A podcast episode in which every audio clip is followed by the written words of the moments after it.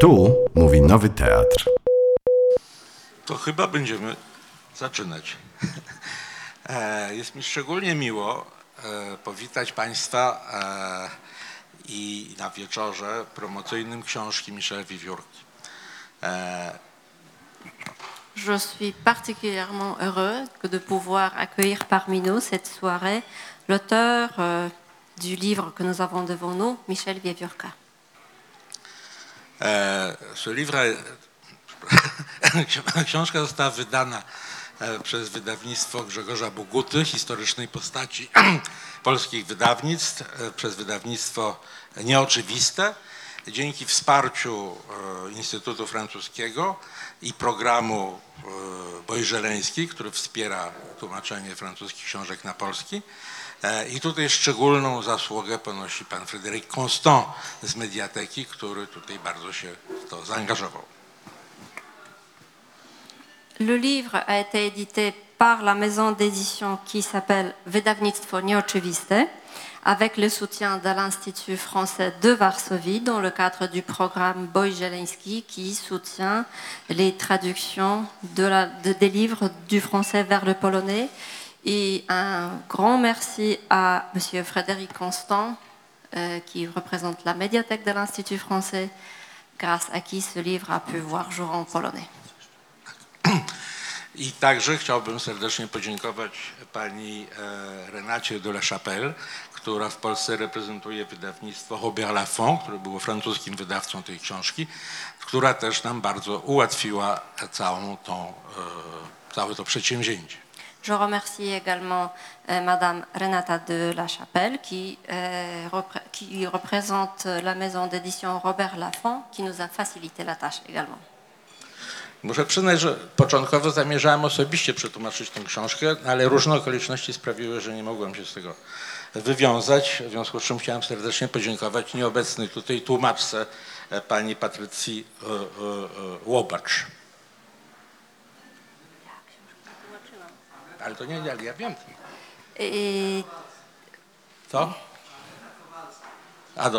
Kowalska, au début, au début, moi-même, j'ai eu le projet de faire la traduction du livre vers le polonais, mais malheureusement, je ne l'ai pas fait.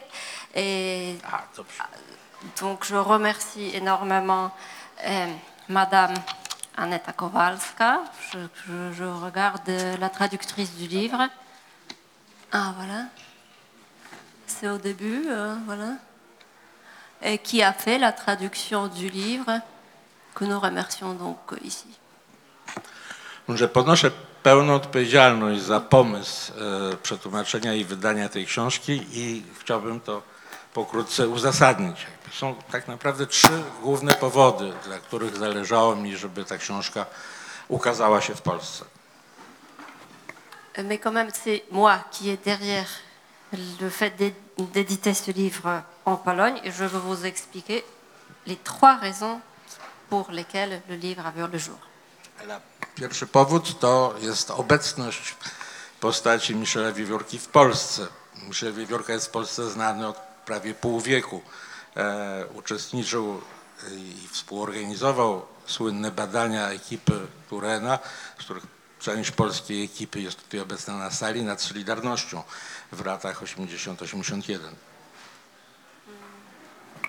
La première raison est que Michel Wiewiórka est souvent présent en Pologne. Euh, les Polonais peuvent connaître euh, Monsieur Wiewiórka depuis près de 50 ans.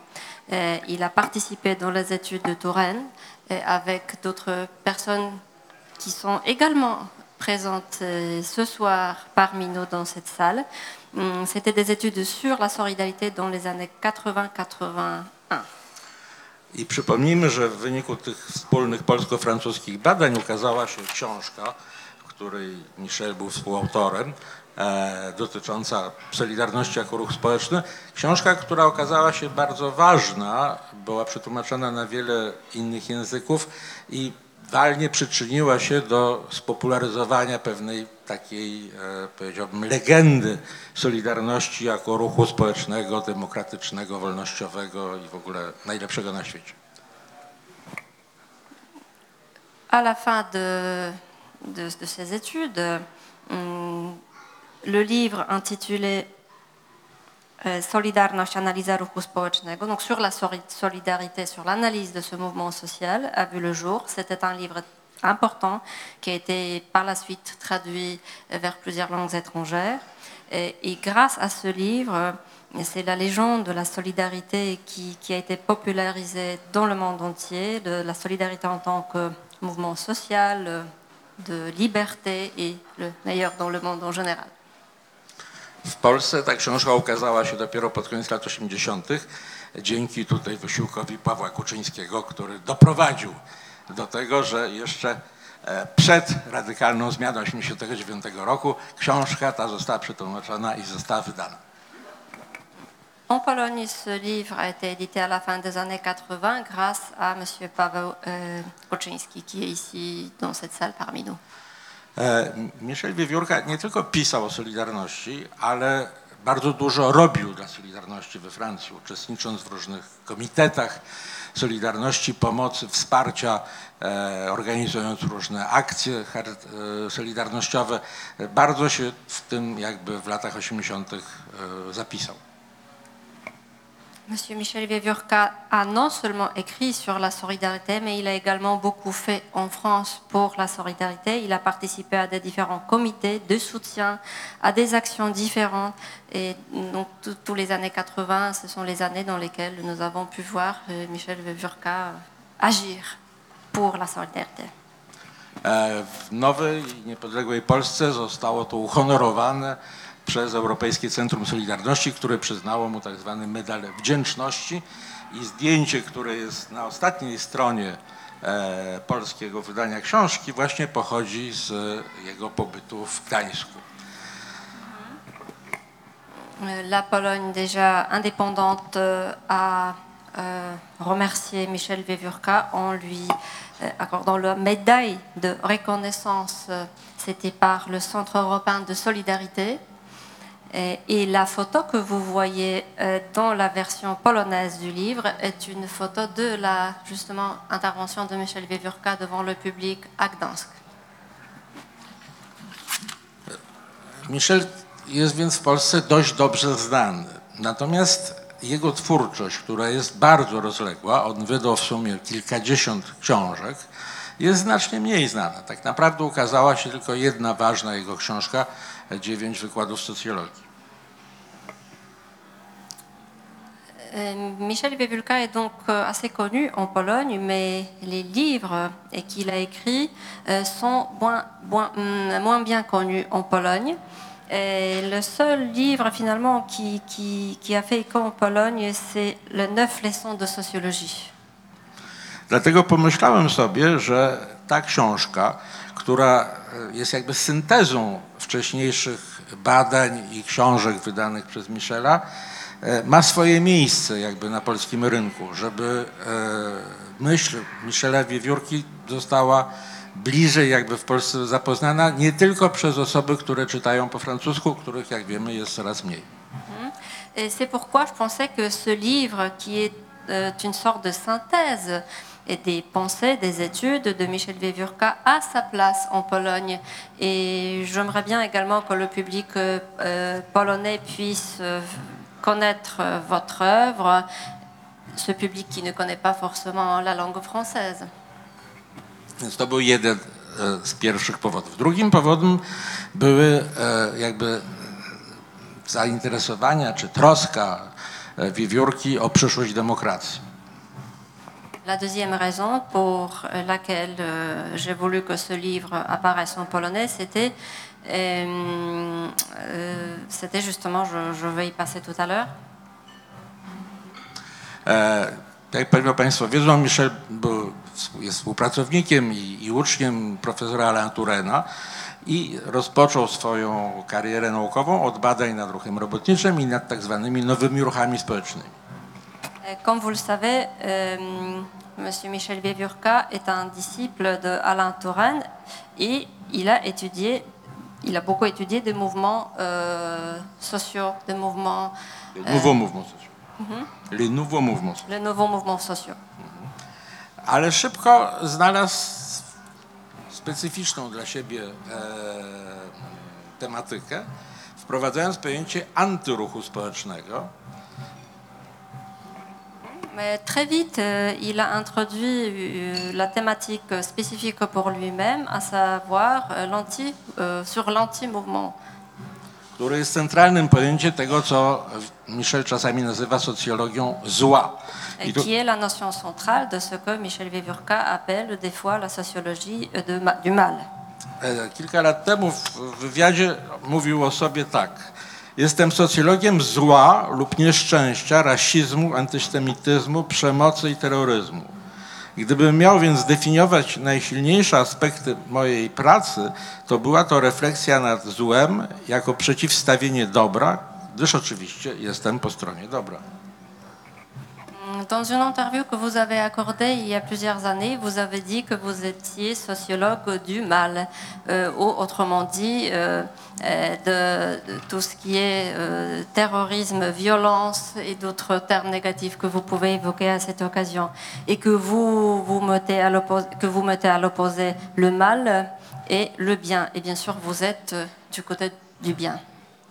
Także ta książka powstała jakby z troski o zagrożoną demokrację, zagrożoną przez różne e, negatywne zjawiska, które się w świecie rozwijają. I wy, wydawało mi się, że w polskiej dyskusji racja bytu takiej książki jest też bardzo istotna, gdyż no, też w Polsce dyskutujemy, jak to dalej u nas z demokracją.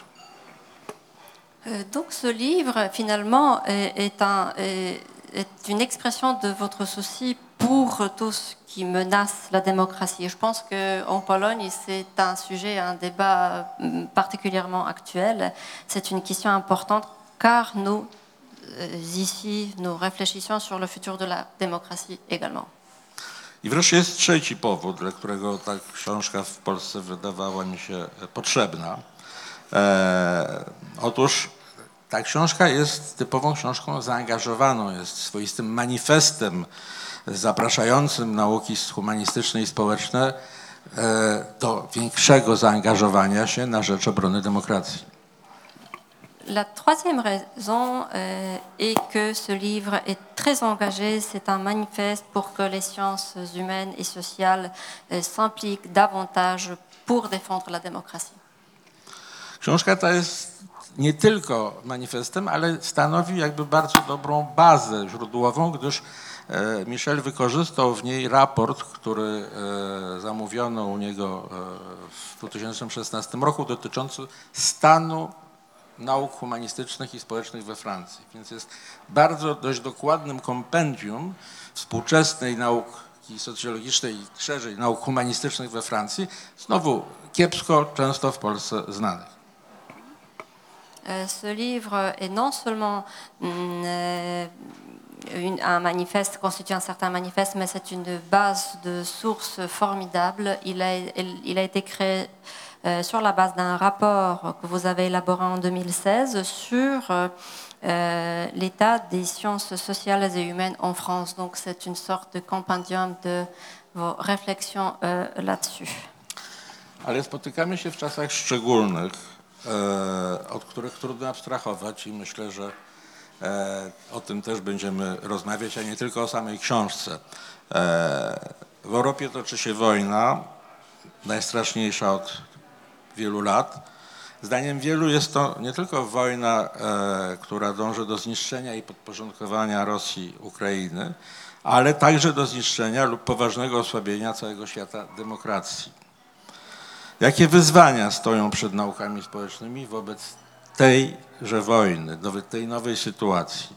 Jeśli przyjąć, tak jak żeśmy przyjęli w tytule, że demokracja jest pewną sztuką walki, to jakie są szanse demokracji w konfrontacji z siłą, przemocą, kłamstwem i manipulacją?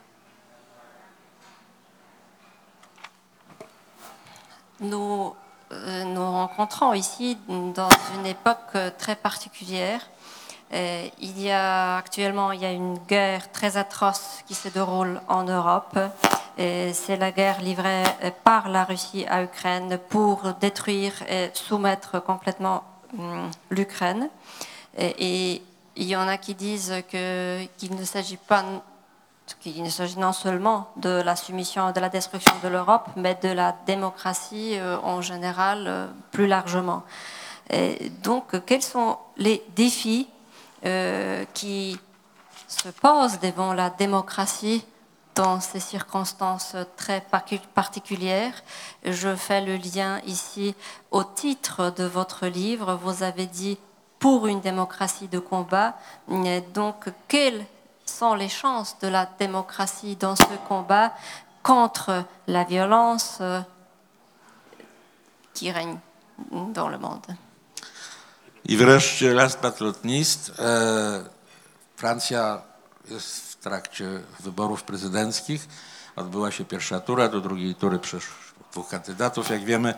E, I znowu ta konfrontacja wygląda na konfrontację sił dobra z siłami zła. Sił prodemokratycznych siłami jakby negatywnie nastawionych do demokracji. Niezależnie zresztą od wyniku tej drugiej tury, myślę, że Francja pozostanie silnie podzielona, społeczeństwo francuskie. Dokąd zatem będzie zmierzać Francja, nie w sensie politycznym, co może nas w Polsce bardziej interesuje, ale w sensie społecznym. I to pytanie nawiązuje do ostatniej książki, którą Michel Wiewiórka wydał kilka miesięcy temu, e, zatytułowanej Metamorfozu d'échéance où va la France. Metamorfoza czy upadek, dokąd zmierza Francja? Et euh, une autre circonstance très particulière de notre rencontre, ce sont les élections présidentielles euh, qui se déroulent en France. Euh, il y a deux candidats qui vont s'opposer très prochainement. On peut dire que ce sera une opposition du bien, encore une fois, et du mal. Il y a euh, un candidat qu'on peut résumer comme pro-démocratie qui- et l'autre qui est un peu antidémocratique. Et ce qui m'intéresse plus, par- plus particulièrement dans ce contexte, c'est le clivage de la société française qu'on peut observer à cette occasion. Donc, où va la France? Non pas forcément euh, sur le plan politique, mais sur le plan social. Et là, je fais le lien à votre dernier livre qui a vu le jour en France sur les métamorphoses. Voilà.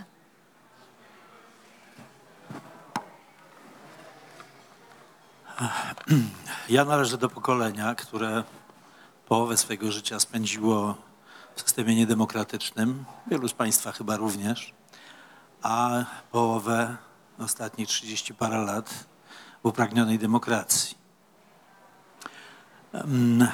Ta demokracja wybuchła u nas, bo ona wybuchła. E, Zresztą erupcje, trzęsienia ziemi z tym związane miał Pan okazję obserwować, będąc tutaj na początku lat 80., obserwując to, co się działo w Stoczni Gdańskiej, co się działo wśród, wśród polskich e, robotników. No, e, du, dużo, długo trwały te erupcje, no ale w końcu ta demokracja u nas wybuchła. No i wszyscy byliśmy bardzo z tego powodu szczęśliwi. I w tym szczęściu z otwartymi ze zdumienia ustami żyjemy do dziś. Euh, Moi-même, comme euh, probablement euh, d'autres personnes dans la salle, j'ai passé la moitié de ma vie dans un système, dans un régime qui n'était pas démocratique, et l'autre moitié, donc les 30 dernières années, la démocratie tellement chérie. Donc, et on peut dire que la démocratie a littéralement explosé chez nous. Il y avait plusieurs éruptions que vous avez d'ailleurs euh, observé au début des années 80 80 à Gdansk, que vous avez observé le mouvement social, les ouvriers polonais. Hum, Et nous, tous donc euh, sommes très heureux de pouvoir vivre dans la démocratie jus- jusqu'à aujourd'hui. No ale niestety e, w naszym kraju wszystko się dzieje sz- szybko, bo klimat mamy niesprzyjający rozwojowi delikatnych roślin, jakimi między innymi jest e, demokracja. Więc po tych 30 paru latach nasza demokracja zaczyna chyba więdnąć, a my zaczynamy mieć jej serdecznie dosyć. Mais euh, comme euh, dans notre pays va très vite, euh, on peut dire que nous vivons dans un climat qui n'est pas forcément favorable à la démocratie. Et au bout de 30 années, hum, on peut dire entre guillemets glorieuses, il y a déjà des, certains signes et des manifestations euh, de déclin de la démocratie et il paraît que certaines personnes en ont assez de la démocratie. Czytając pana, e, pana książkę i wiedząc, jaki jest tytuł oryginału, bo tytuł e, tłumaczenia polskiego nie oddaje tego, tego prawdziwego tytułu jako, jako pewnego postulatu, to jest demokracja jako sztuka walki, po francusku pour une démocratie de combat, czyli to pour sy- sygnalizuje, że, no, że warto o to zawalczyć. Chciałem pana zapytać, czy również we Francji jest tak jak u nas, że przyszedł moment, kiedy musimy naprawdę zacząć zabrać się ostro za obronę demokracji, ponieważ ona jest zagrożona. Quand je lis votre livre, et en connaissant le titre français de votre livre, qui est un certain postulat, car la traduction polonaise est légèrement différente et ne rend pas forcément ce postulat présent dans le titre français, euh, j'ai envie de vous poser la question qui concerne également le- la situation de la France et de la Pologne, et vu le contexte dans lequel nous vivons, est-ce n'est pas le temps de se mettre à la défense euh, très active, très ardue de la démocratie? Merci. Bonsoir à tous. Je voudrais dire que j'ai beaucoup d'émotions. Donc avant de vous répondre, je voudrais vous dire pourquoi je suis euh, si ému ce soir. Je suis ému parce que il est exceptionnel dans l'existence qu'à un moment donné puissent marcher ensemble l'amitié. J'ai beaucoup d'amis ici, je les salue tous. La vie intellectuelle, nous sommes réunis parce que nous aimons la vie intellectuelle, l'engagement, l'engagement euh, au-delà du civisme, euh, et en plus de tout ça, le, sentiment de, ne pas être n'importe où, mais d'être dans un endroit, une ville, un pays qui a symbolisé ce pourquoi nous nous sommes réunis aujourd'hui, c'est-à-dire l'action pour la démocratie. Donc tout ça ensemble, euh, plus le fait que mes lointaines origines font que ma famille est venue de ce pays, tout ça fait que je suis très très ému. Donc je voulais vous le dire, je ne reviens pas sur tous les gens que, euh, que Martine a remerciés, je les remercie moi aussi, je ne vais pas faire des listes, en plus je risquerais d'oublier l'un ou l'autre, mais vous dire vraiment que je suis très très heureux. Alors maintenant, pardon.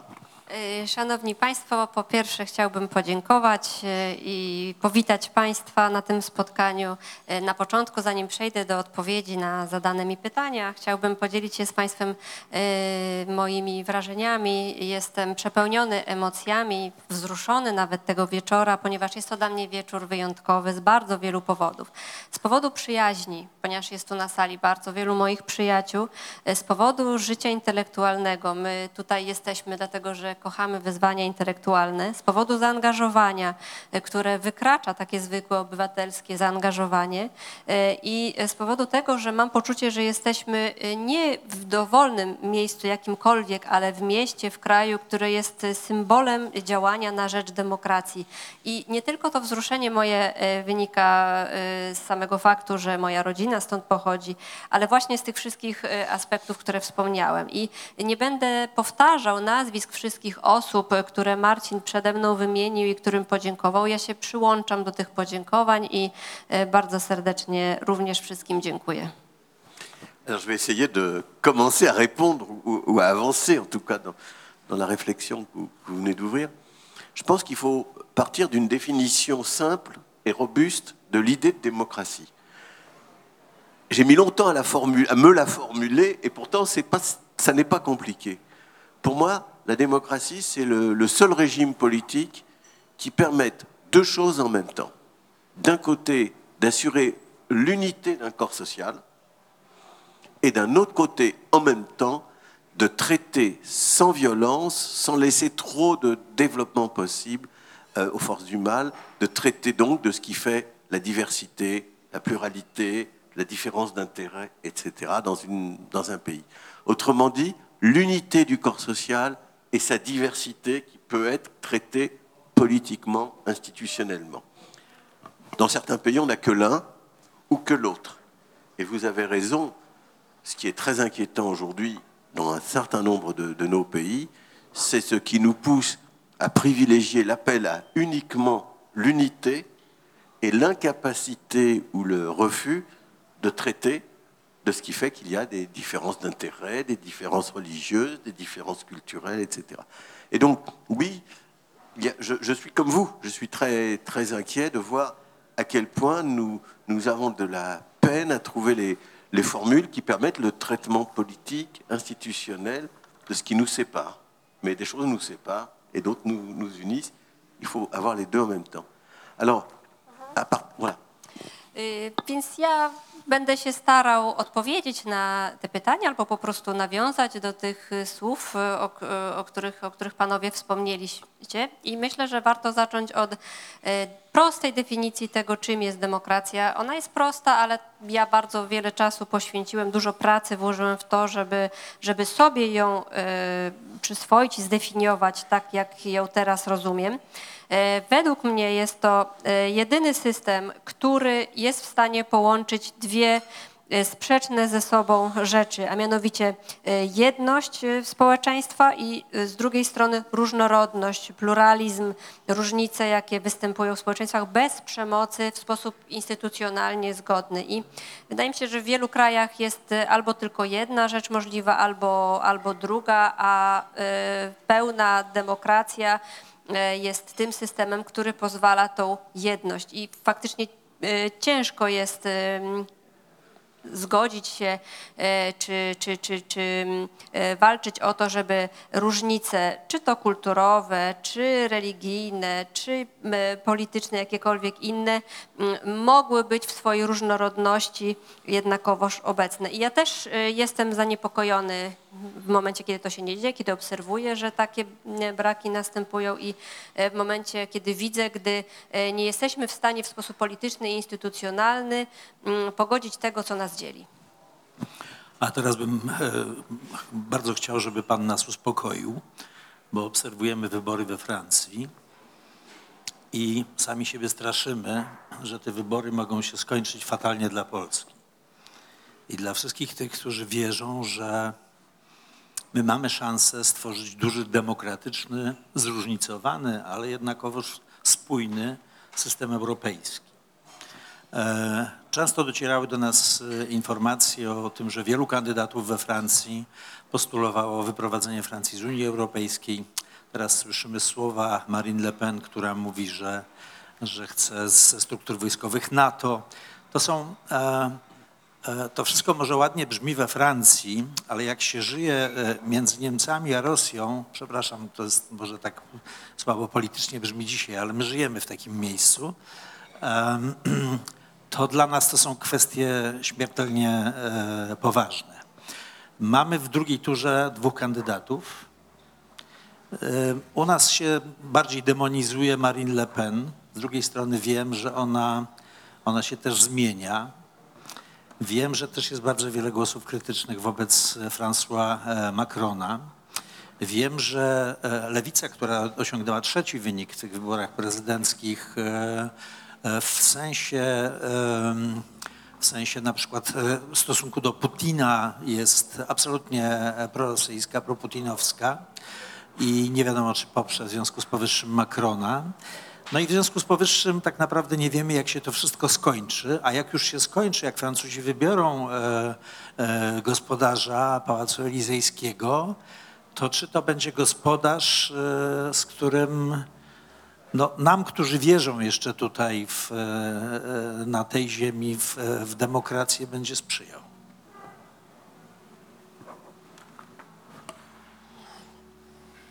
Comme je l'ai déjà dit, en France actuellement, il y a des élections présidentielles et j'aimerais bien que vous euh, entendre votre réaction euh, sur ce qui peut éventuellement se passer très prochainement en France. Et à savoir, euh, nous euh, également, nous sommes pour euh, la démocratie, pour l'acceptation des différences, pour un, certain système européen cohérent. malgré ces divergences. Hum, Et alors que des candidats à la présidentielle disent penser sortir les forces armées de la France de l'OTAN, euh, faire sortir la France de l'Union européenne éventuellement. Euh, et peut-être en France, ça a une résonance euh, complètement différente, mais, différente, mais euh, nous qui sommes entre la Russie et l'Allemagne, nous interprétons les mêmes mots de façon euh, quand même euh, différente. Euh, pour nous, c'est une perspective qui n'est pas du tout euh, gaie. Il y a donc deux, can- deux candidats qui vont s'affronter euh, le 24 avril. Hum, Nous savons que Marine Le Pen a également évolué dans, ses, euh, dans, dans- son programme. Nous savons qu'il y a des voix critiques vis-à-vis de, de Macron. Nous savons également que la gauche française a obtenu euh, le troisième résultat au premier tour des élections et que c'est en même temps la gauche qui est pro-Poutine. Donc, euh, est-ce qu'ils vont quand même euh, maintenant rejoindre le camp Macron au second tour ou pas? Donc comment tout cela va se terminer? Est-ce que le futur président euh, va être favorable aux intérêts de la Pologne ou pas? Donc vous voulez qu'on parle de la situation politique française? A, to chcą Państwo zatem rozmawiać o obecnej sytuacji politycznej we Francji. Mais je vais le faire avec un petit peu de, de distance ou de recul. Zrobię to jednak z, pewnym, z pewnego dystansu. D'abord, je voudrais vous dire quelque chose. Les intellectuels, les chercheurs en sciences sociales ont disparu du paysage du débat politique français actuel. C'est très impressionnant. C'est pour ça que je suis très heureux de pouvoir parler ici ce soir. Si vous regardez les émissions de télévision, les journaux, etc., on entend beaucoup les acteurs politiques, on voit des sondeurs, on voit des spécialistes de l'analyse électorale, mais les sciences sociales, nous n'existons presque pas. Donc je suis très heureux de, de pouvoir intervenir sur ce, sur ce registre ici ce soir.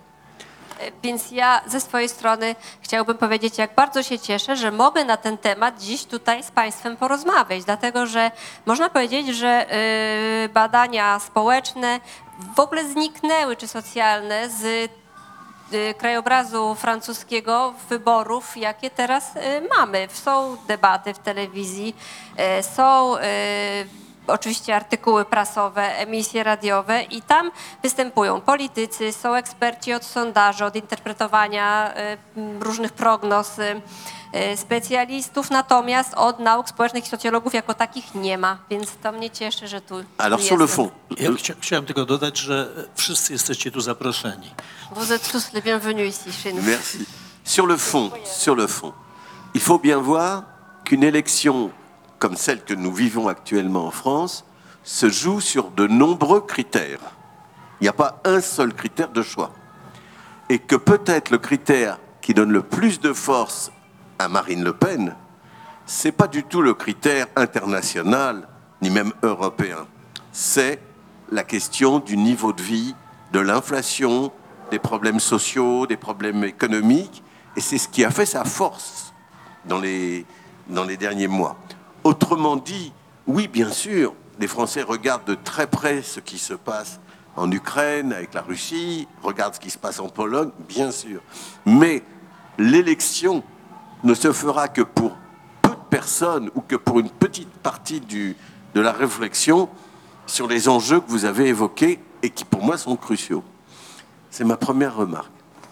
E, Więc e, chciałbym powiedzieć, że te wybory, które w tej chwili odbywają się we Francji, odbywają się na podstawie bardzo wielu kryteriów, y, a nie na podstawie jednego, mówiąc już, wchodząc już w meritum tematu.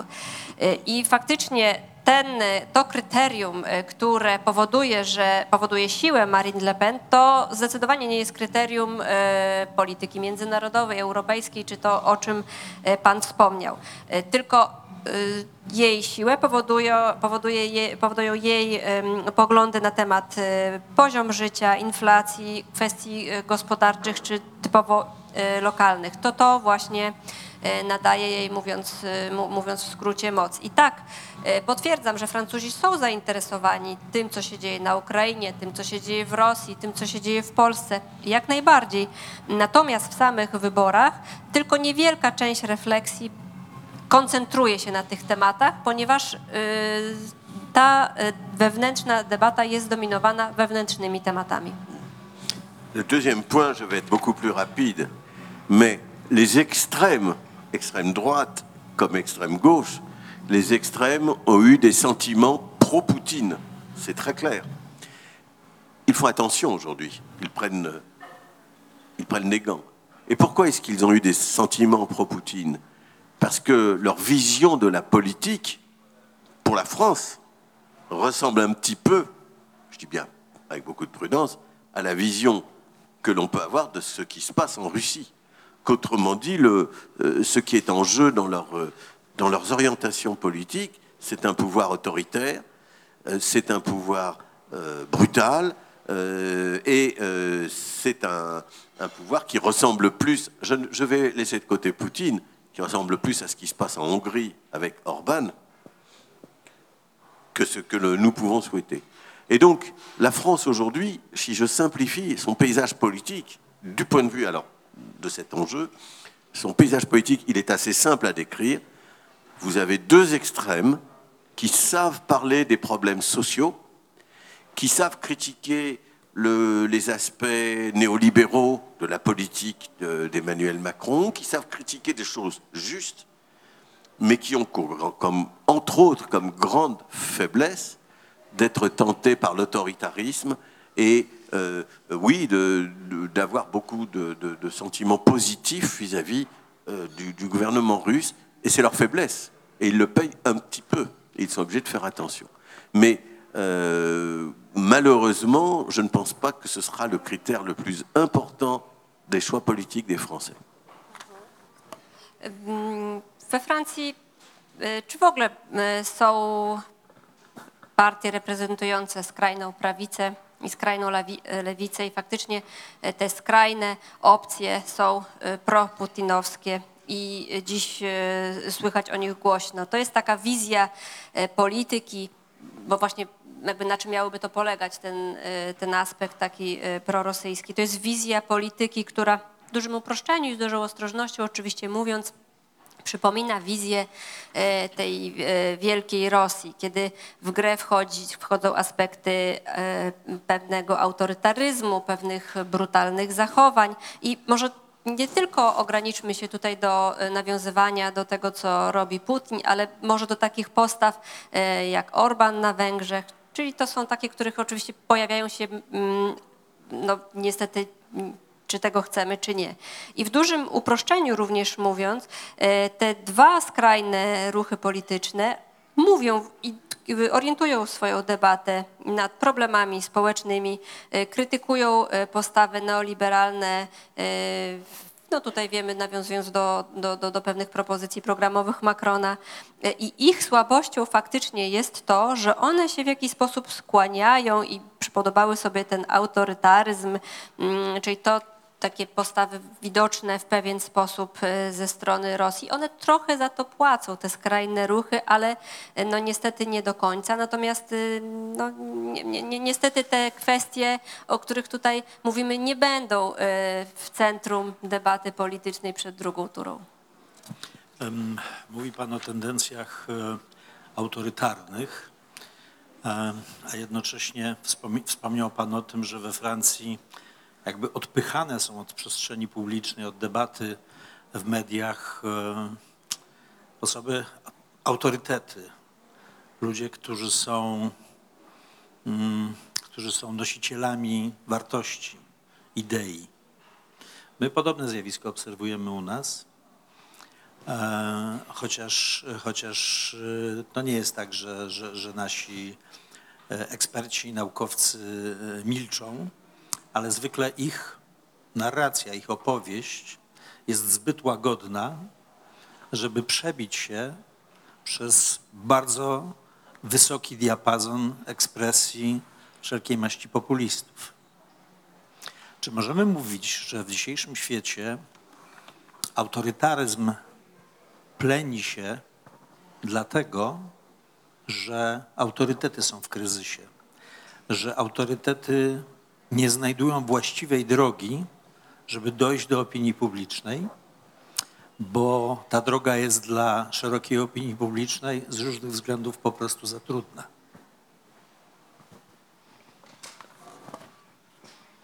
Vous avez évoqué certaines tendances euh, à des comportements autoritaires, à l'autoritarisme en général. Et ce n'est pas qu'en France qu'on peut observer cela. Chez nous, euh, il y a également euh, des cas similaires, euh, euh, que des, euh, euh, des autorités, de ceux qui portent des valeurs, certaines bonnes idées, ne sont pas forcément présents dans le débat public. Hum, Nos experts, nos chercheurs prennent la parole, mais c'est la parole qui est trop douce, trop moins, euh, trop peu visible par rapport euh, aux voix portées par les populistes.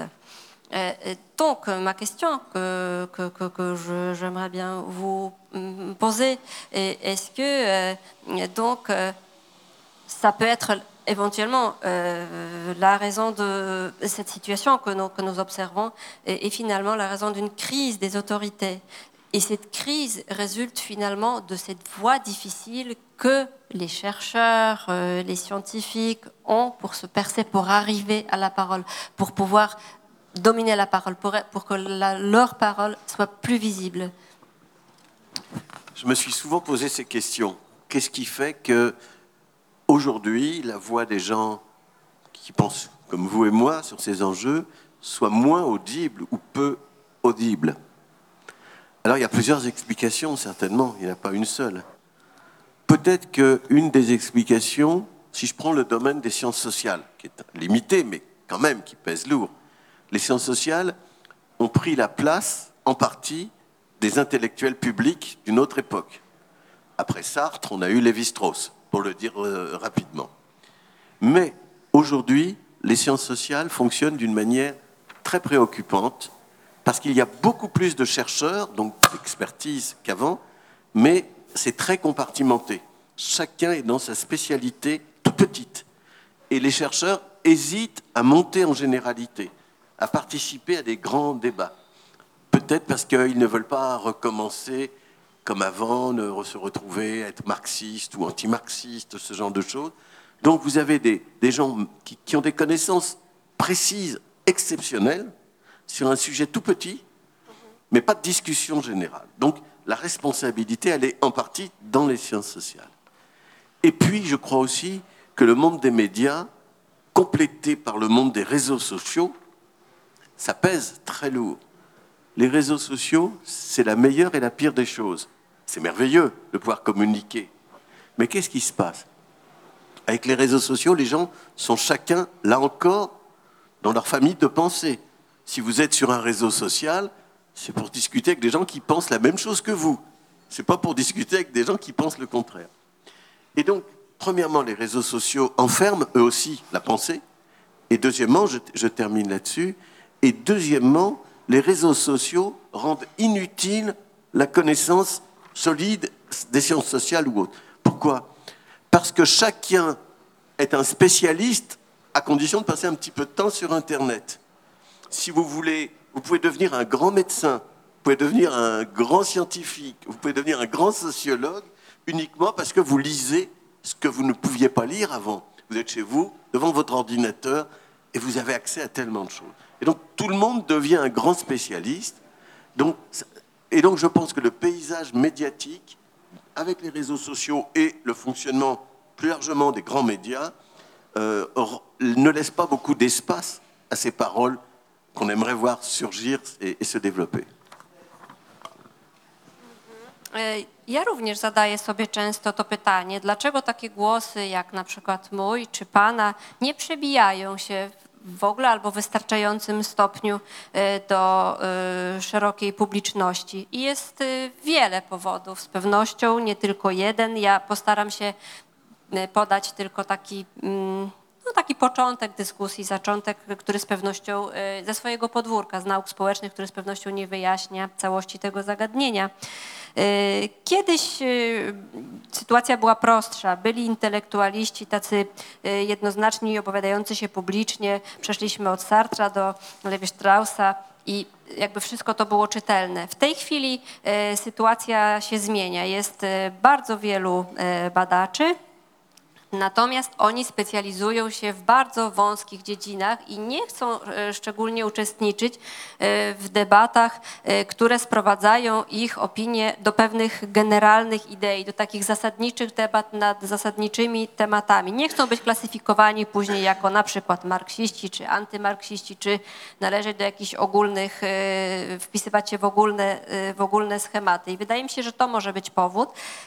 Druga jeszcze rzecz warta zauważenia, e, to są e, sieci społecznościowe, które tutaj e, razem z takimi głównymi mediami odgrywają bardzo dużą rolę. To wspaniale, że istnieją sieci społecznościowe, bo tam każdy oczywiście może zabrać głos. Natomiast jeżeli już się zabiera głos, jeżeli już się dyskutuje, to najczęściej dyskutuje się wokół grupy zwolenników tych samych idei, tych samych wartości, czyli nie ma tutaj jakiegoś takiego zderzenia czy konfrontacji. Jest się tam, gdzie uważa się, że mm, inni również uważają tak samo. Y, I jeszcze kolejny ważny aspekt y, tego, że w sieciach społecznościowych czy w internecie generalnie w łatwy sposób możemy zdobyć taką dużą wiedzę na dany temat, na dany jakiś temat ekspercki, w których normalnie ekspertem by się nie było. Każdy może w dzisiejszych czasach zostać specjalistą. Czytamy mm, ze swojego fotela przed komputerem y, opracowania czy informacje na temat różnej wiedzy medycznej, naukowej, socjologicznej, więc myślimy, że możemy zostać natychmiastowo, nie wiem, lekarzem, naukowcem czy socjologiem i wypowiadać się mm, w danym temacie. I y, to wydaje mi się, te, te, te aspekty między innymi wpływają na to, y, jak kształtuje się y, krajobraz y, medialny czy wymiany y, opinii w, obecnych czasach i to jednak w niewielkim stopniu pozwala na przebicie się takich myśli i tego, o czym Pan mówił. E, Ja chciałem taką uwagę tutaj powiedzieć, może trochę żartobliwą, że jako dziennikarz e, czasami dostaję takie sygnały, które są niby pozytywne, ale dla mnie bardzo przy- przygnębiające, bo często e, dostaję taki sygnał pod tytułem Panie redaktorze, jaki pan jest mądry, pan myśli dokładnie to samo, co ja. E, I ja wiem, że to wtedy, że to znaczy, że to był czas stracony, że, że, że nie było żadnej, żadnej w tym wszystkim e, wymiany. Ale mówię to, mówię to w żartach. Natomiast pomyślałem sobie kiedyś, że może winą dziennikarstwa, nauk społecznych jest to, że my jesteśmy właśnie zbyt ogólni że bardzo często na, w różnych programach, w różnych debatach, w mediach wypowiadają się ludzie na różne tematy, a my nie wiemy, czy oni mają w ogóle do tego legitymację. Bo na przykład dziennikarze, którzy nie mają odpowiedniego wykształcenia, nie wiem, komentują kwestię inflacji. I, e, I publiczność nie wie, czy to są specjaliści tak naprawdę, czy oni właściwie to rozumieją, czy nie. Bo jak idziemy do dentysty i chcemy sobie zrobić, nie wiem, implant, będzie trudny sprawdzian dla pani tłumaczki, e, to wtedy idziemy do kogoś, o kim wiemy, że on potrafi to zrobić. Jak idziemy do dziennikarza, to idziemy w ciemno. I może podobnie jest w ogóle z przedstawicielami nauk społecznych, politycznych, że właśnie ten, ten, ten kryzys autorytetów wynika z tego, że, że to jest zbyt ogólne i że my nie przedstawiamy certyfikatów. I ludzie nie wiedzą, z jakiego powodu mieliby się z naszym zdaniem w danym momencie liczyć. Co pan sądzi na ten temat? J'aurais une remarque euh, par rapport à ce que vous venez de dire. Moi-même, je suis journaliste et des fois, je reçois des signaux apparemment positifs, mais que moi, je prends négativement. Euh, à savoir, il y a des commentaires, des gens me disent après, après une émission, Oh monsieur, que euh, vous, êtes, vraiment très intelligent, très sage, parce que vous pensez exactement la même chose que moi-même. Je sais alors que c'était un temps perdu, qu'il n'y avait pas d'échange, de débat, que finalement ce n'est pas ça dont il s'agit. Et euh, peut-être euh, euh, la faute au journalisme et aux sciences sociales est que des journalistes et des chercheurs, sont, des, sociologues, parlent de manière trop générale. Les gens ne, s'y identifient pas forcément et peuvent se poser également la question sur la légitimité de leur, euh, de, de- hum, pourquoi ils prennent la parole finalement et euh, qu'est-ce qui fait qu'ils ont le droit de s'exprimer euh, sur certains sujets? Et il y a des journalistes qui commentent certaines questions économiques, l'inflation, etc. Mais est-ce que nous savons si ce sont des experts en la matière ou pas? Comme nous allons chez les dentistes, nous savons que c'est un spécialiste qui va euh, prendre soin de nous. Quand nous nous adressons à un journaliste, nous ne savons pas finalement euh, si- s'il est expert dans un domaine qui nous intéresse plus particulièrement. Qu'est-ce que vous en pensez? Vous avez raison. Je pense qu'il y a de grandes méfiances aujourd'hui, de grandes crises euh, vis-à-vis du monde euh, qui diffuse la connaissance. Alors d'abord, je, voudrais distinguer entre le monde des bons journalistes et celui des bons chercheurs en sciences sociales. Donc je prends les gens de qualité. Je pense que le journaliste doit éclairer l'actualité, c'est ce qui est surtout attendu de lui, euh, et il doit l'éclairer pour répondre aux attentes de l'opinion, de la population. Le chercheur, lui, s'il doit apporter un éclairage, c'est un éclairage qui n'est pas dans la même temporalité, qui n'est pas dans le même rapport au temps. Euh, moi, j'ai vécu ça. Je vais vous donner mon exemple. J'ai passé des années à étudier les problèmes de terrorisme. Je savais énormément de choses sur le terrorisme. Mais quand les bombes éclatent, on n'avait pas besoin de moi. Parce que ce que l'on attendait, c'est des bons journalistes qui expliquent un peu ce qui se passe, mais surtout qui aident à comprendre le moment présent. Moi, j'aidais, à comprendre ce qui s'était passé auparavant, comment des gens deviennent terroristes. ou- Mais c'est pas ça. L'opinion, elle a besoin de savoir est-ce que demain il y aura une nouvelle bombe? Est-ce qu'après-demain on va arrêter un coupable, etc. Et donc, le bon journaliste a des catégories, en général, mais il répond à des attentes immédiates. Alors que le chercheur, lui, malheureusement, malheureusement, j'aimerais bien pouvoir répondre à des attentes immédiates, mais le chercheur, lui, il n'est pas dans la même temporalité. Voilà, le, problème, le problème, c'est que euh, euh, on attend aussi de certains journalistes qu'ils soient des spécialistes des problèmes dont ils parlent. Et là, euh, pour être un, bon spécialiste, il faut y consacrer du temps. Il faut que la rédaction de, votre journal ou de votre télévision vous dise bon, mais je te laisse passer du temps à t'informer, et puis tu et puis tu continues pendant des mois et des mois à travailler sur ce sujet. Trop souvent, euh, le, le- le journaliste n'a pas le temps ni les moyens de faire du bon travail comme il voudrait le faire. Et ça, c'est un autre aspect, je crois, des difficultés du, du journalisme. Et, et donc, euh, oui, quels sont les journaux, les télévisions qui aujourd'hui disent à un journaliste, tu as six mois pour bien t'informer, pour faire une belle enquête sur tel ou tel sujet? C'est rare, c'est rare. Donc, je, voilà, je crois qu'il y a des difficultés, mais le plus grave pour moi, c'est le doute. C'est le sentiment que les journalistes mentent, que les journalistes ne savent pas, que les journalistes parlent de, n'importe quoi. Et donc, c'est tout- tout- tous ces mouvements euh, qui, travaillent nos sociétés. Euh, on a parlé de fake news, de post-vérité. Enfin, c'est toutes ces choses-là, parce que là, il y a une crise de confiance entre le monde du journalisme et, et le- et une partie de la population. Et ça, c'est vraiment des grands, grands problèmes qui appellent des, des efforts. E, Ma Pan z pewnością rację. E, Tak faktycznie jest. Jest pewna taka nieufność e, wobec tego, co słyszymy w dzisiejszych, w, w, dzi- w dzisiejszych mediach. I chciałbym powiedzieć, co tutaj się wpisze mm, e, w Pana pytanie, e, czym jest dobry dziennikarz, a czym jest dobry naukowiec, socjolog, bo to tutaj w dużej mierze wyjaśnia wyjaśnia nam te kwestie. Otóż dobry dziennikarz to jest dziennikarz, który nam objaśnia rzeczywistość, dany moment.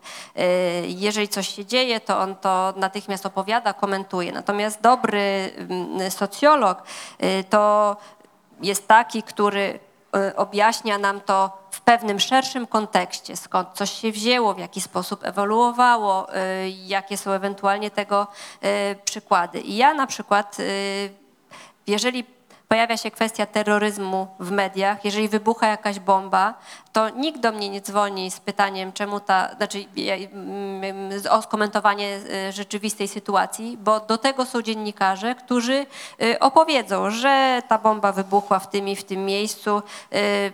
Ludzie chcą wiedzieć, czy ta bomba jutro też wybuchnie, czy nie. To nie jest moment na to, aby zastanawiać się, y, skąd się wziął terroryzm, y, jakie przesłanki kierują zachowaniami czy zjawiskami takimi i takimi. W związku z tym y, dziennikarze odpowiadają, czy od- odpowiadają na takie bezpośrednie, natychmiastowe mm, pytania, potrzeby ze strony publiczności, ze strony społeczeństwa. Natomiast my tu niestety, naukowcy, socjologowie, mamy w głowie zupełnie inną perspektywę czasową. I to jest myślę y, pewien problem, pewien, mm, pewien taki konflikt, jeśli chodzi o te y, oczekiwania. Jeszcze y, trzeba sobie zadać pytanie, y, ile czasu ma taki dziennikarz, od którego y, oczekuje się, że będzie specjalistą w danym temacie na przygotowanie się. Y, Jak często możemy teraz usłyszeć, będąc dziennikarzem ze strony swoich przełożonych, proszę, daję ci czas, masz swobodnie ileś tam, nie wiem, tygodni na zaznajomienie się z tematem, na obserwowanie tego, co się dzieje, na to, żeby się przygotować bez czegoś takiego nie ma dobrej pracy dziennikarskiej, więc to jest inny aspekt, który z pewnością utrudnia właściwe postępowanie dziennikarzom. E, Rzadkie to jest w każdym razie. E, I e, co jeszcze mm, nasuwa mi na myśl kolejny aspekt, a mianowicie takiego powątpiewania ze strony publiczności w związku z, między innymi z tym, co powiedziałem, czyli że jak widzimy dziennikarza i wiedząc to, o czym mówiłem, to możemy sobie zadać my jako publiczność pytanie, czy on to na pewno wie, a skąd on to wie, a może kłamie, a może się nie zna. No mówię to też w kontekście fake newsów, czy takiej postprawdy, to wszyscy tutaj wiemy, jakie, jakie, jakie, jakie zjawiska się dzieją i to powoduje pewien kryzys zaufania, e, jaki dzisiaj widzimy, jeśli chodzi o, o, o, o ten stosunek dziennikarzy i, mm, no i odbiorców tego, co dziennikarze mówią. Szanowni Państwo, zanim zadam następne pytanie, chciałbym powiedzieć, że jest już czas, że jeżeli ktoś z Państwa chciałby zadać pytanie lub coś skomentować, to bardzo proszę o sygnał i będziecie mogli się włączyć również do naszej, do naszej dyskusji. Natomiast y, może Pani to przetłumaczyć, że... Et avant de passer à ma suivante question, j'aimerais juste m'adresser à la salle pour dire que, que c'est le temps de poser les questions de la salle éventuellement. Donc si quelqu'un aurait l'envie de poser une question ou commenter ce que nous disons, euh, tout le monde est bienvenu. Natomiast ja chciałbym jeszcze zapytać teraz o, o, sprawę, o sprawę Rosji. Mamy przerażające informacje dotyczące sondaży opinii publicznej w Rosji, z których wynika, że 80 ponad procent Rosjan e, popiera politykę Putina na Ukrainie. I strasznie trudno nam to zrozumieć tutaj, w naszym świecie, że wszyscy prawie i że coś tak okrutnego, tak złego, jak do tego doszło? Jak jest możliwe? Czy to jest wina mediów? Czy, czy to jest zasługa jakiejś manipulacji, powtarzania kłamstw e, metodą gebelsowską? Co to jest? Co się stało, że ogromny kraj po prostu popadł w jakąś zbiorową halucynację. Zbiorową, nie wiem jak to nazwać, nie, nie chcę używać już fatalnych słów, ale, ale no, no w coś bardzo, bardzo po prostu niedobrego. Jak to jest możliwe, że wszędzie się rozwijają jakieś różnice, ludzie dyskutują na wiele różnych tematów, mają różne rozwiązania w różnych kwestiach, a tam wszyscy powtarzają to samo. Jak pan jako socjolog to rozumie? Co tam się dzieje, co nam się stało? J'aimerais également euh, connaître votre opinion sur la situation actuelle en Russie et plus particulièrement euh, sur euh, l'opinion publique russe actuelle. Nous savons des sondages d'opinion publique que plus de 80% de la population russe soutient la politique officielle de leur président. Comment pouvons-nous comprendre cela ici, dans notre contexte? Comment est-ce possible? Est-ce euh, la faute aux médias? Est-ce que c'est grâce à des manipulations, à des mensonges répétés à l'infini que le public généralement répète, croit euh, à ce que disent les médias officiels? Et qu'est-ce qui s'est passé? Qu'est-ce qui fait que la Russie et les Russes euh, font preuve d'une hallucination collective, si on peut le dire ainsi Il y a des débats partout, euh, il y a des divergences des opinions euh, dans le monde entier, et là, tous répètent la même chose. D'où ça vient J'aimerais bien connaître votre opinion comme chercheur et sociologue, justement. D'abord, j'ai le plus grand doute sur la qualité des sondages d'opinion actuellement en Russie. Je pense qu'on ne sait pas. Dans un pays où on n'a pas le droit d'utiliser le mot guerre pour, décrire la situation actuelle, comment voulez-vous demander à la population ce qu'ils pensent de la guerre, puisque elle n'existe pas Donc je pense que aujourd'hui, tout ce qui est sondage d'opinion venant de Russie est très suspect. Premièrement. Deuxièmement, il me semble, il me semble que la population, bon, elle est manipulée, elle est, comment dirais sous influence permanente. Ça ne date pas d'aujourd'hui.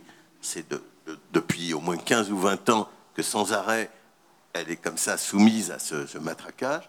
Mais, et c'est ça que je voudrais ajouter, je pense que le lien entre la population et Poutine est peut-être, donc je suis très très très prudent, est peut-être plus fragile qu'on pourrait le croire. Ce n'est pas un je, je ne vois pas un mouvement comme à l'époque de Mussolini en Italie ou de Hitler en Allemagne, un mouvement, un vrai mouvement totalitaire. Je ne trouve pas qu'il y ait des grandes manifestations de soutien à Poutine. Quand il a réuni les gens dans un, dans un stade, il les a payés ou il leur a permis de quitter le travail. Enfin, c'est pas il n'y a pas une adhésion active. Et donc, je pense que ça existe. Je pense que malheureusement, c'est ce que vous dites, mais que c'est plus fragile que ce que l'on pourrait croire. Simplement, voilà un pays où l'information n'est pas libre, où les, euh, Internet est sous contrôle, etc. Donc les gens ne savent pas. hein. Mais voilà, j'ai un, un petit peu le sentiment que ça n'est pas aussi fort comme adhésion que ce que l'on pourrait croire. Mais je suis très prudent parce que on ne sait pas. Comment savoir Comment savoir Po pierwsze chciałbym wyrazić swoje powątpiewanie w jakość tych sondaży opinii publicznej w Rosji, bo skoro nie można tam używać słowa wojna na to, co się dzieje, e, to w jaki sposób można zbadać opinię e, publiczną co do tego, czy są za prowadzeniem działań wojennych, czy nie, skoro oficjalnie jakby taka nomenklatura nie ma prawa się pojawić. Więc tutaj byłbym bardzo podejrzliwy, jeśli chodzi e, o te dane, które pan cytuje.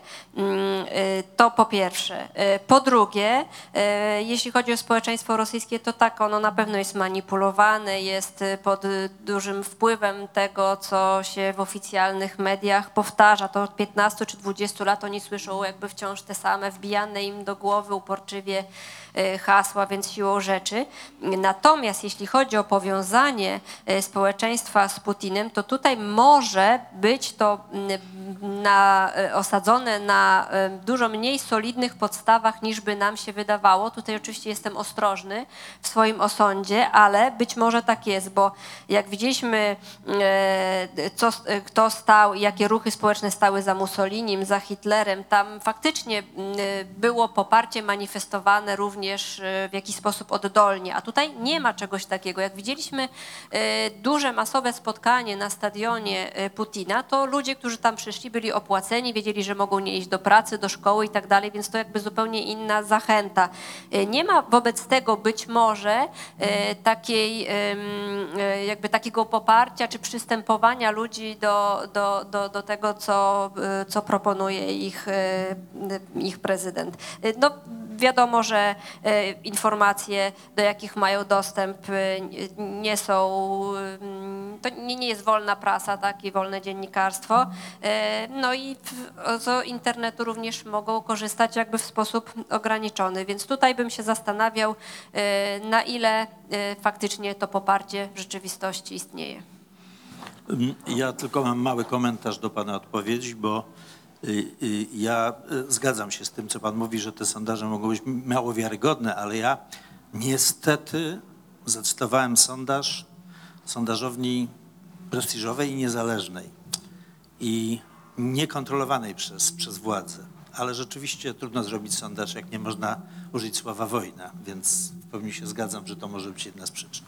Juste un petit euh, commentaire. Je suis tout à fait d'accord euh, à ce que vous venez de dire sur les instituts d'opinion publique et sur les sondages en général en Russie euh, où la liberté de parole n'existe pas. Mais malheureusement, les données que j'ai citées viennent d'un institut de sondage indépendant des autorités russes. Donc, ça paraît effectivement le cas. Proszę Państwa, widziałem rękę podniesioną. Bardzo proszę. J'ai vu une main qui, qui, qui s'est levée, alors nous donnons la parole à Madame. Małgorzata Melchior. Y, Ja chciałam zapytać, y, mm, przepraszam, nie czytałam książki jeszcze, e, natomiast y, chciałabym się dowiedzieć pokrótce takie główne wnioski z niej pł- płynące, bo w tytule, zwłaszcza w tej francuskim tytule tej książki, można doszukać się jakby poszukiwania pewnego ruchu czy ruchów społecznych na rzecz demokracji albo poszukiwania jakby takiej defensywy ze strony e, instytucji demokratycznych czy, czy na rzecz wartości demokratycznych. Jakby jak, właśnie jakie są wnioski z, te, e, z tej książki, jakie formułujesz? Et je n'ai pas encore lu euh, le livre et je voudrais connaître très brièvement, euh, synthétiquement, euh, les conclusions, vos conclusions du livre. Le titre suggère pour une démocratie de combat, suggère euh, qui- que, euh, il y a des mouvements sociaux qui sont obligés de lutter pour la démocratie, qu'il y a une certaine défense, que, des institutions démocratiques sont en défensive peut-être. Donc, est-ce que vous euh, pourriez, s'il vous plaît, nous euh, résumer euh, les conclusions que vous tirez à la fin du livre? Les conclusions ne sont pas très optimistes. Je pense que, nous, que le rôle des. Et, c'est des conclusions qui s'adressent d'abord à- à l'univers des sciences sociales, hein, c'est-à-dire à ce que peut apporter la recherche pour euh, envisager ces questions. Et je crois qu'on peut dire des choses qui sont parfois étonnantes. Je vous donne un ou deux, un ou deux exemples. Il y a un chapitre consacré au populisme. C'est un thème très courant aujourd'hui, on le voit dans de très nombreux ouvrages. Mais si on prend la définition que j'ai proposée, c'est-à-dire que le populisme, c'est un discours mythique, c'est-à-dire un discours qui, résout de manière imaginaire les contradictions, il arrive un moment où un mythe ne tient pas, explose. Et donc je dis, nous devons réfléchir à ce qui se passe lorsque les mythes populistes se décomposent. Parce que ça peut donner le pire comme le meilleur. Et donc, pour vous donner un exemple, j'essaie de montrer que si on veut réfléchir au populisme actuel, tel qu'on les connaît en Europe, il faut se demander qu'est-ce qui va en sortir. Et non pas simplement les décrire. Et donc là, les sciences sociales peuvent nous montrer, ne serait-ce qu'en en regardant d'autres expériences historiques, le populisme, ça peut donner du terrorisme, ça peut donner de l'autoritarisme, ça peut donner de la violence, et ça peut donner de la démocratie.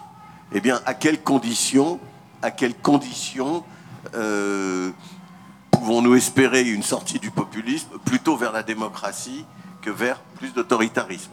Je suis plutôt pessimiste sur ce registre. Et donc voilà, c'est un livre euh, qui examine un certain nombre de grands problèmes, qui, indique qu'il faut vraiment se préoccuper, s'inquiéter, et qu'en réfléchissant avec un peu d'épaisseur, avec un peu de profondeur, on peut arriver à des, façons d'aborder certains problèmes qui ne sont pas les façons habituelles, mais qui ne sont pas non plus les façons actuelles de, de- l'action politique. Alors, il y a un point dont on n'a pas du tout parlé, mais qui était déjà un peu dans, les questions de tout à l'heure.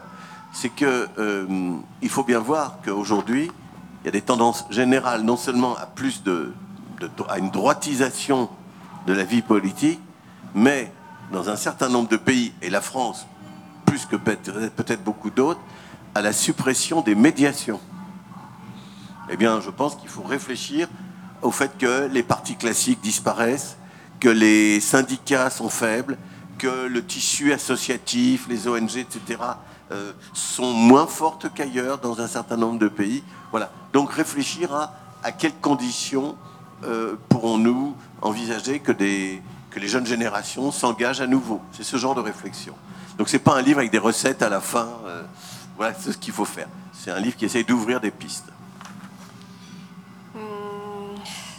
Dobrze, więc chcę tylko powiedzieć, że y, nie da się tak w dwóch słowach y, opisać tego, co, y, czy opowiedzieć tego, y, tych konkluzji moich jednoznacznie, które zawarłem w książce. Może one nie brzmią zresztą zbyt optymistycznie.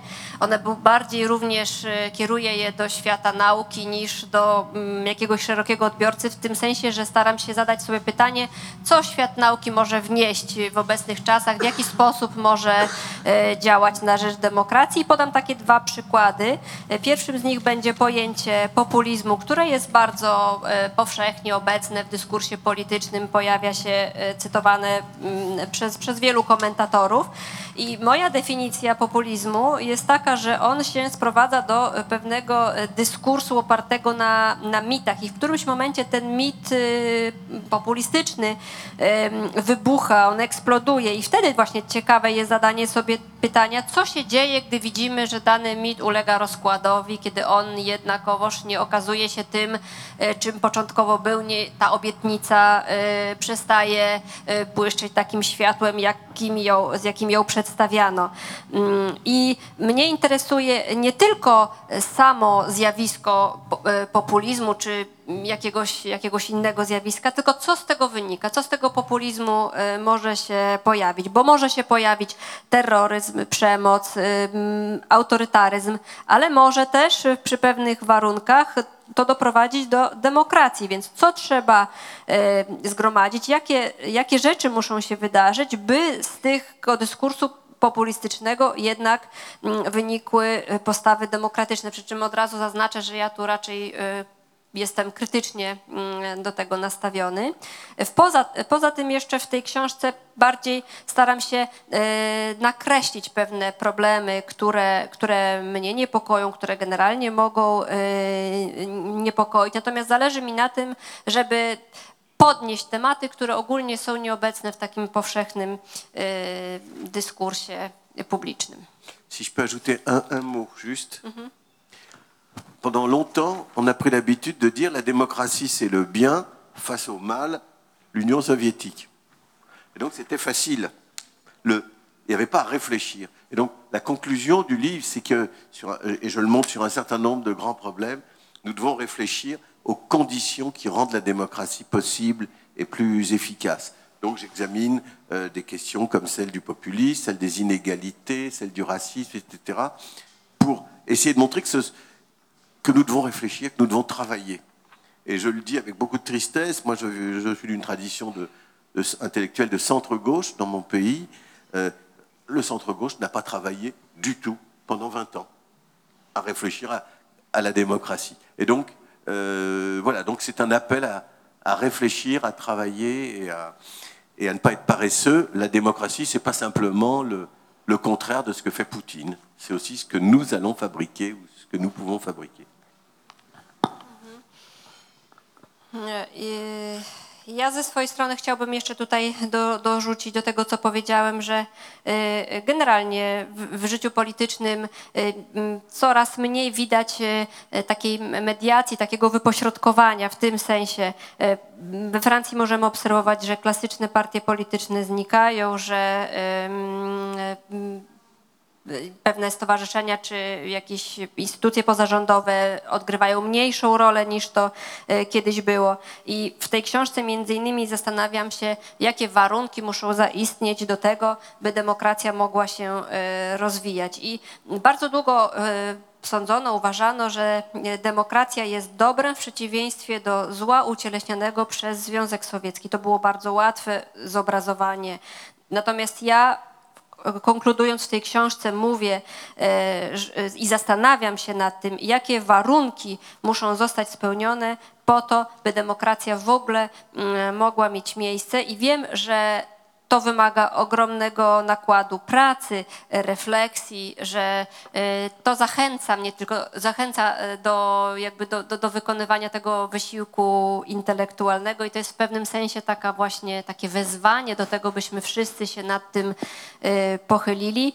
Mm, Ja sam jestem z mm, centrolewicy i wiem, że ten obóz polityczny od 20 lat nie w wystarczającym stopniu się pochylał refleksjom e, ogólnym e, i e, takie uproszczenie, e, że demokracja to jest wszystko to, co jest przeciwieństwem tego zła ucieleśnionego przez Putina, to jest zbyt duże uproszczenie. Bardzo proszę. Dobry wieczór. Ja mam, ja mam Paweł Kuczyński. Ja mam okazję, żeby zadać autorowi, którego znam, którego bardzo cenię, dwa pytania.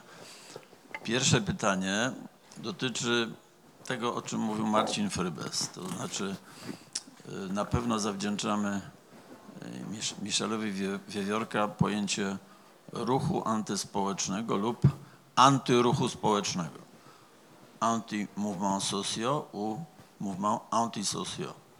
To jest moje pytanie, bo ja sięgając do źródłowych lektur, ostatecznie zdecydowałem, że będę to tłumaczył ruch antyspołeczny, bo uważam, że socjolog zła, no jeśli mówi o takich ruchach, powiedzmy jak faszyzm, to mówi o tym, w jaki sposób społeczeństwo jest niszczone. To jest jakby pierwsza kwestia.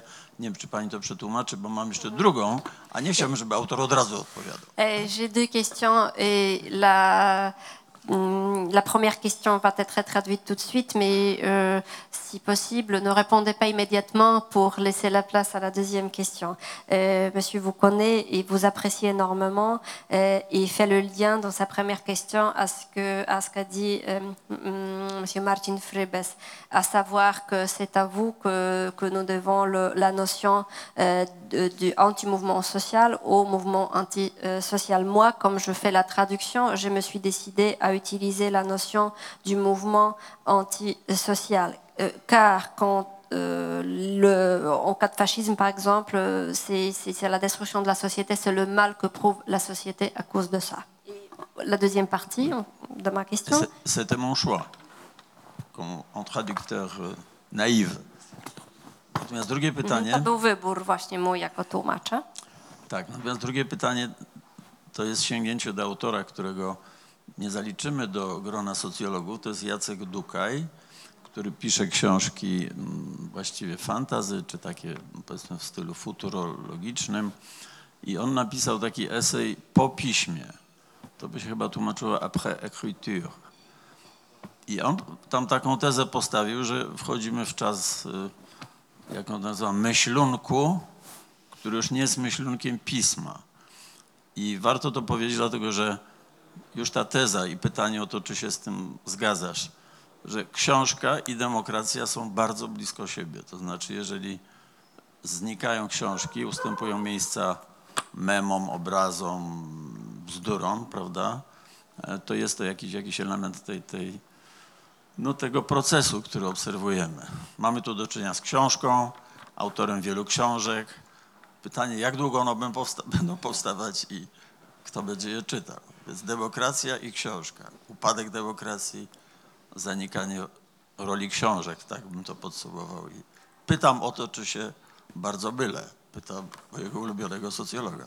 Et je pose donc la question à vous, mon sociologue préféré, en faisant le lien à l'écrivain Jacek Dukaj, qui n'est pas sociologue, qui est plutôt l'écrivain euh, du domaine de la futurologie fantasy. Donc il a, hum, il a rédigé un essai intitulé Après l'écriture. Et là, il y a une thèse qu'il pose euh, dans, dans, dans, dans, cela que hum, n'y a pas de réflexion sans écriture. Donc, il euh, fait le lien entre les livres et la démocratie, que ce sont les deux, les deux, les deux éléments qui sont proches l'un de l'autre. Et quand des brefs commentaires, des, hum, des images euh, remplacent l'écriture, une vraie écriture, ça démontre un certain process euh, que nous sommes en train d'observer. Euh, et donc, euh, j'aimerais bien savoir si vous êtes d'accord avec, avec cela, si tant qu'il y a des livres, hum, quand, il n'y a pas de livres, quand des livres disparaissent, c'est la démocratie qui risque de disparaître également. Est-ce que nous pouvons espérer encore une longue vie des livres? Qui va lire ces livres? Donc, quelles sont vos réponses à toutes ces questions? Bon, évidemment, je suis du côté du livre, hein, évidemment. Euh, et je, vais faire une réponse un peu décalée par rapport à la question, à la deuxième question. Je pense qu'il n'y a pas de démocratie sans travail pour plus de démocratie. Le travail, c'est l'écriture. Le travail, c'est la formation, c'est l'éducation. Euh, J'évoquais la gauche française qui n'a pas travaillé pendant 30 ans ou 20, 20 ans. Et donc, le problème, c'est c'est pas seulement le livre qui est une des formes, c'est l'idée de que les choses ne sont pas simples, que les choses prennent du temps, qu'il il faut de l'exigence, de l'exigence intellectuelle.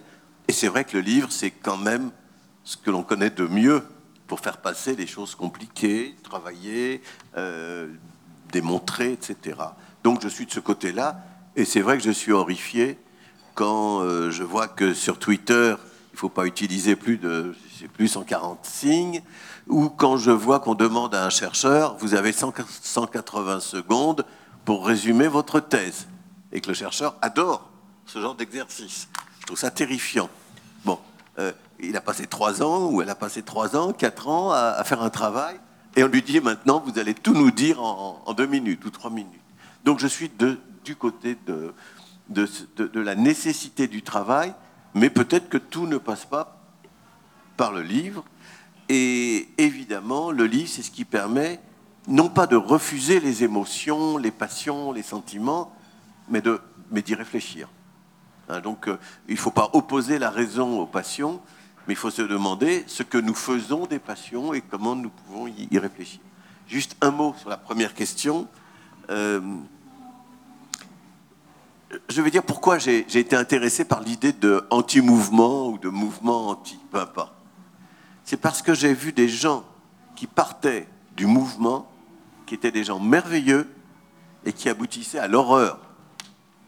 Et j'ai vu même des toutes petites choses dans Solidarność. Donc il faut savoir aussi être critique. J'avais été présent au congrès de Solidarność à Gdansk en, en septembre ou octobre 1981. Il y avait eu ce grand congrès. Et là, j'avais entendu les vrais Polonais, ce qu'on appelait les vrais Polonais. Et des petites choses un peu inquiétantes, hyper nationalistes, un peu antisémites, des choses comme ça. Je me suis dit, mais comment un mouvement aussi magnifique peut-il se, se retourner chez certains, ou commencer à se retourner? Ça n'avait pas été très loin, c'était très limité.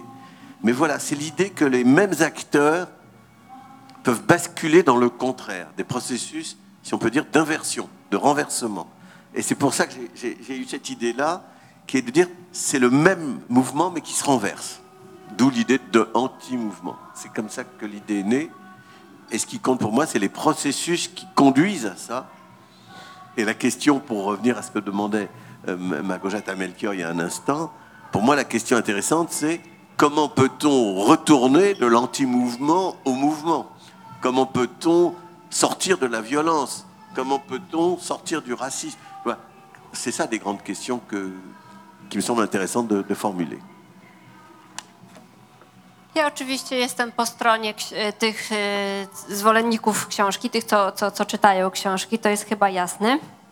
E, Natomiast ważne jest dla mnie również, i to będzie moja odpowiedź e, na zadane pytanie, e, że demokracji może nie tyle nie ma bez książek, ale bez pracy, a ta praca to jest, zakłada oczywiście pisanie, edukację, refleksję i tak dalej. I, to, jest jasne to, o czym mówiłem, jeżeli chodzi o francuską lewicę, że ona przez 30 ostatnich lat nie należycie wykonała swoją pracę. Swoją pracę.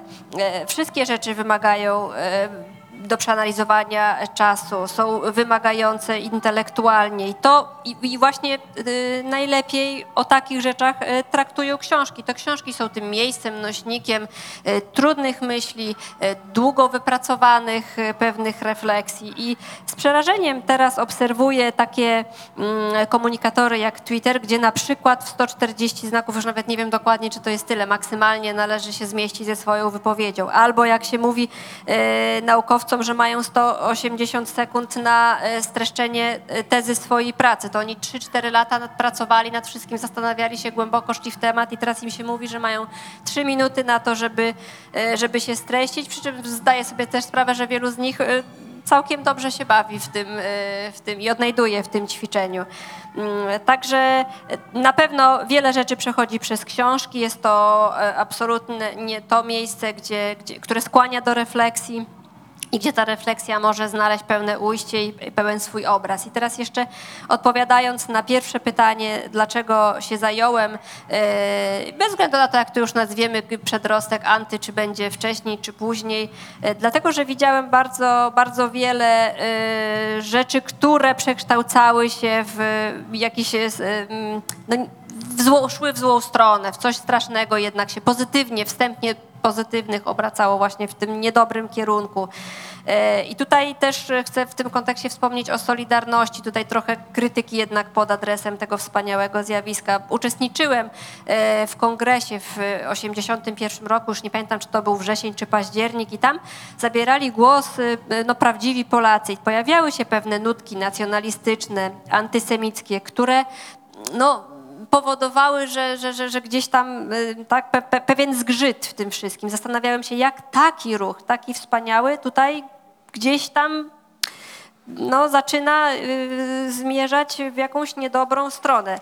Y, I, i, I to mnie właśnie y, jako, jako, jako naukowca najbardziej interesuje, czyli jak z jednej rzeczy, z jednej sytuacji dochodzi do innej rzeczy, jej przeciwnej, do innej sytuacji, jak dochodzi do, do pewnego odwrócenia pewnych zjawisk, czyli jest to ten sam ruch, który staje się de facto innym ruchem. Ja sobie zadaję pytanie właśnie, jak to się dzieje Y, i y, jednocześnie skłania mnie to ku takiej bardziej pozytywnej refleksji, a mianowicie, czy w takim razie takie negatywne zjawiska, jak na przykład przemoc czy rasizm, mogą poprzez te inwersje, odwrócenie stać się czymś pozytywnym? Proszę Państwa, w zasadzie nasz czas dobiegł końca, ale może pozwolimy sobie na jedno jeszcze krótkie pytanie. Słucham. Kto skorzysta z ostatniej szansy? Une dernière Moi Bardzo. question. Je me permets. Euh, Est-ce que vous voyez des ressemblances euh, entre l'électorat de Marine Le Pen et Jean-Luc Mélenchon Et à votre avis, que feront euh, les partisans de Jean-Luc Mélenchon dans deux semaines E, Więc mam pytanie, czy zauważa Pan pewne podobieństwa wśród e, wyborców e, Marine Le Pen i Jean-Luc Mélenchona i czy on, jego elektorat ostatecznie zagłosuje w drugiej turze na, na, na kogo w zasadzie? Alors, c'est deux électorats que beaucoup de choses séparent. L'électorat de Mélenchon n'est pas raciste, n'est pas antisémite, n'est pas xénophobe. Euh, c'est un électorat jeune, souvent. C'est un électorat. euh, c'est la gauche de la gauche, si vous voulez. L'électorat de Marine Le Pen, c'est tout à fait autre chose, plutôt raciste, plutôt xénophobe. Vous savez, elle va récupérer les voix d'Éric Zemmour, c'est-à-dire quelqu'un qui était encore plus extrême qu'elle, pour donner un exemple. Mais, et c'est un électorat nationaliste. Mélenchon peut être souverainiste, mais il n'est pas nationaliste comme Marine Le Pen. Donc les deux électorats sont très différents. Le problème, c'est qu'ils ont un point commun, la haine de Macron. Pour des raisons différentes, mais la haine de Macron. Et donc, et c'est très violent, des deux côtés. Très, très violent. Je, ne pensais pas qu'il puisse y avoir dans un pays comme la France aujourd'hui autant de haine politique. C'est très, très dur. Et donc, ça, ça peut les rapprocher. Alors maintenant, qu'est-ce qui peut se passer? Je pense que une partie majoritaire de l'électorat de Mélenchon ou bien s'abstiendra, ou bien votera pour Macron avec, euh, comment dirais-je, en se bouchant le nez. Voilà. Et qu'une petite partie, peut-être 15 ou 20 de ce même électorat, ira voter pour Marine Le Pen, mais pas beaucoup plus. Voilà ce que disent les sondages, et j'ai plutôt confiance dans, ce qu'ils disent ici, et ça me semble assez logique. Donc, ce sont des électorats très différents et qui se rapprochent dans, dans la haine de ce que représente Macron à leurs yeux. Et c'est pourtant pas le même Macron qu'ils détestent l'un et l'autre. Euh, L'électorat de Mélenchon déteste le néolibéralisme, déteste l'argent, euh, déteste la condescendance, etc. L'électorat de Marine Le Pen euh, déteste une relative et pourtant limitée ouverture à l'immigration, une relative pourtant limitée compréhension de ce qu'est l'islam, etc. Et déteste aussi l'idée européenne beaucoup plus que, que l'électorat de Mélenchon, en, en gros. hein. Zupełnie elektoraty, y, które y, są, y, no, różnią się ze sobą, pomiędzy sobą znacznie.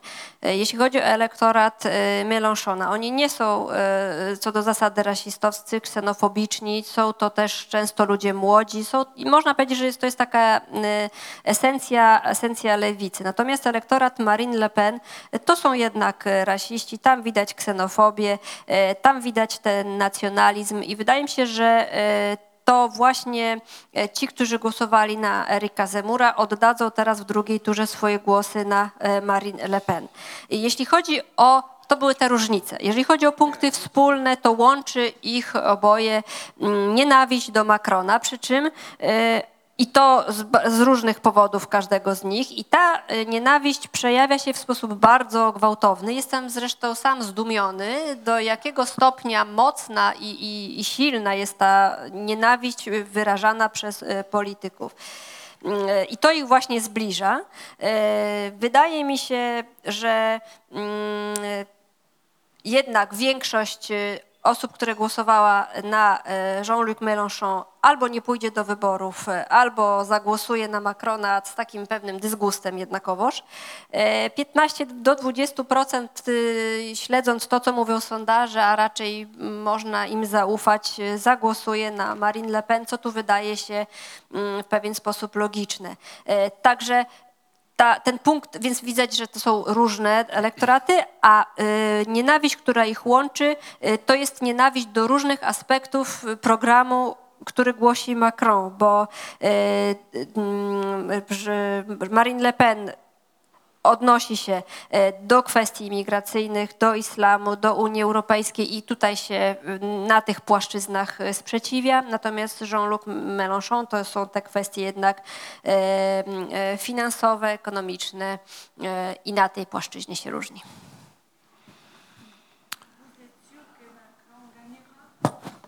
Czy jest pan pewien, że Macron wygra? Je n'ai pas de boule de cristal, mais je vais vous dire une chose. J'ai discuté un jour avec un spécialiste, un directeur d'institut de sondage, à qui j'ai posé la question est-ce qu'il y a un sondage plus pertinent que d'autres? C'était il y a une quinzaine d'années. Il m'a dit oui, les sondages les plus pertinents, c'est le sondage que l'on fait le soir du premier tour d'une élection présidentielle pour avoir une idée du résultat du deuxième tour. Donc j'ai regardé avec beaucoup d'attention les, sondages de dimanche soir. Et il y en a eu deux. Le premier disait Macron gagne par 51 contre 49. Et le deuxième disait Macron gagne par 54 contre 46. Alors, je ne suis certain de rien, tout est possible.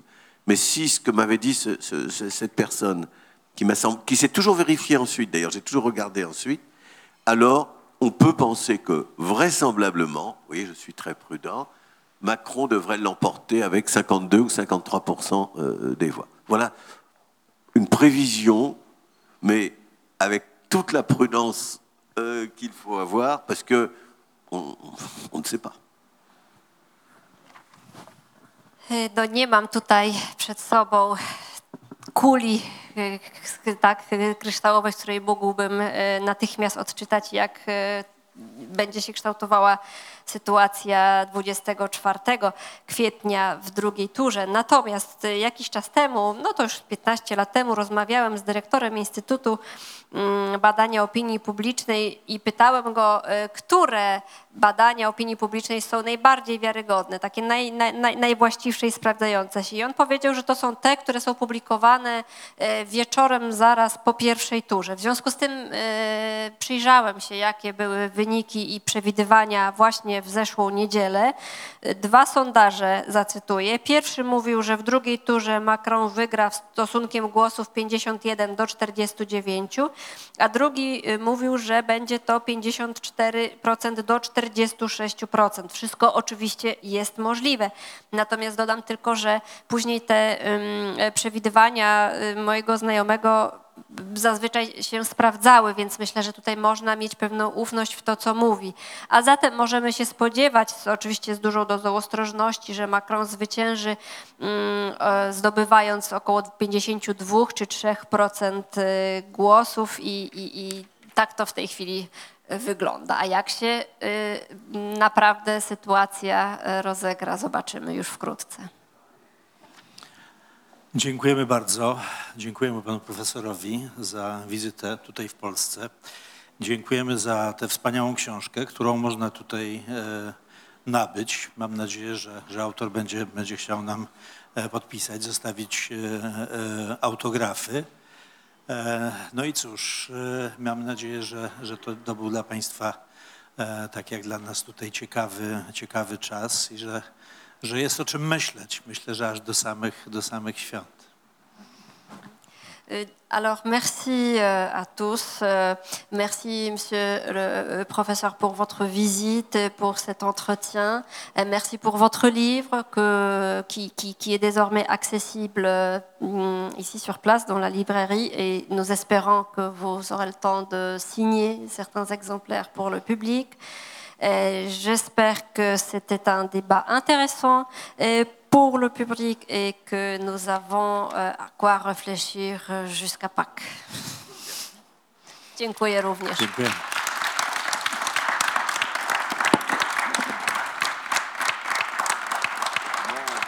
Dziękuję. Merci à vous.